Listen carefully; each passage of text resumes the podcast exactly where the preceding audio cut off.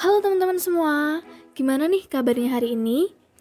Pada pertemuan kali ini, kita akan membahas terkait dengan Kerajaan Majapahit.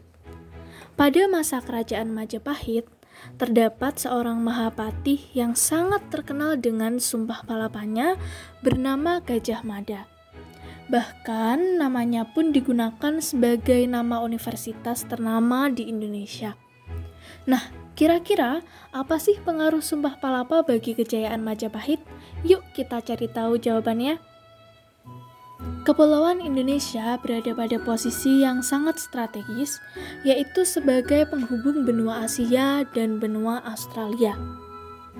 Bangsa Indonesia dikenal dengan bangsa yang pandai mengarungi lautan samudra dan kota-kota di Nusantara tumbuh menjadi pusat-pusat perdagangan di beberapa daerah pesisir Pulau Sumatera dan Jawa. Kepulauan Indonesia merupakan bagian dari satu kesatuan daerah lalu lintas barang. Pada permulaan perhitungan tarikh Masehi, Indonesia menjadi kiblat perdagangan dunia, khususnya pedagang dari India. Peristiwa ini kemudian disusul oleh kejadian-kejadian yang serupa menimbulkan hubungan kebudayaan yang memunculkan kebudayaan Hindu dan Buddha. Dalam hal ini berkaitan dengan Majapahit sebagai kerajaan maritim yang besar pada masa itu. Sejarah kerajaan Majapahit kalau diceritakan semua ini akan sangat panjang teman-teman sehingga teman-teman bisa membaca buku sejarah Indonesia maupun buku lain dan jurnal-jurnal kalau ingin belajar lebih dalam.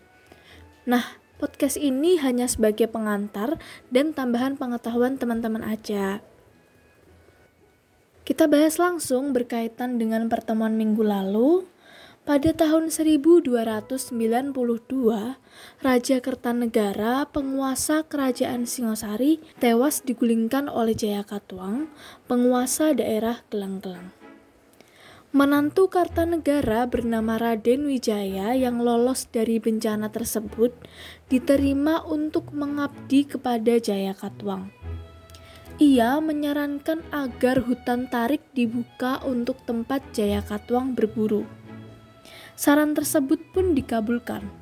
Nah, Raden Wijaya ini dan pasukan dari Madura membuka hutan di tepi Sungai Brantas, tidak jauh dari kota Mojokerto. Tujuannya adalah tidak lagi membuat tempat berburu, akan tetapi membuat dusun untuk dia dan para pengikutnya. Nah, pada saat membuka hutan tarik, seorang pembantunya memakan buah maja atau buah mojo yang terasa pahit.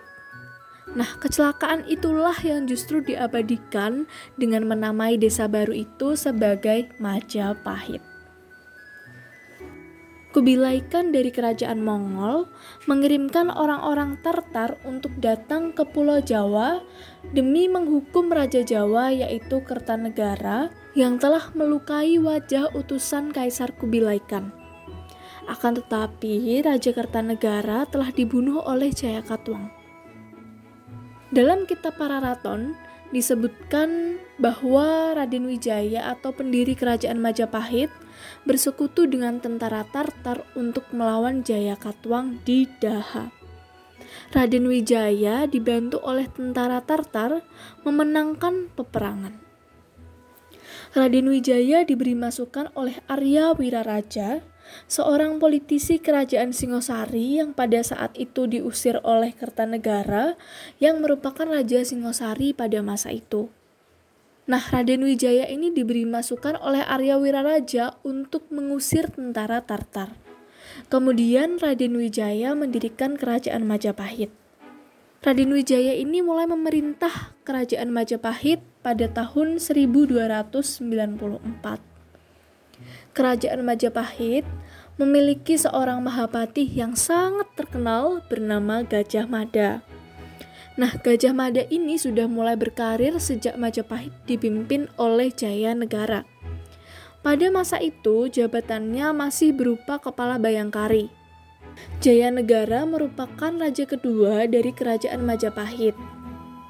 Kemudian pada masa Tribuana Tunggadewi atau raja ketiga di kerajaan Majapahit, Gajah Mada menjadi seorang patih. Kemudian pada masa pemerintahan Tribuana Tunggadewi pula, Gajah Mada mengucapkan sumpahnya yang disebut dengan Sumpah Amukti Palapa atau terkenal dengan sebutan Sumpah Palapa. Nah, apa sih tujuan dari Sumpah Palapa? Sumpah Palapa ini bertujuan untuk mempersatukan wilayah Nusantara. Nah, sumpah tersebut dapat diwujudkan pada masa pemerintahan Raja Hayam Wuruk, Raja Majapahit yang merupakan seorang putra dari Tribuana Tunggadewi.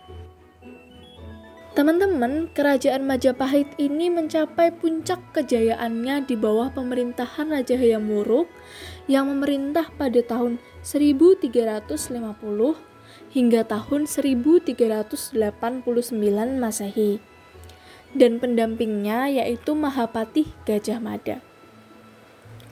Mahapatih Gajah Mada menggunakan strategi sumpah amukti palapa sehingga semakin lama wilayah kekuasaannya menjadi semakin luas.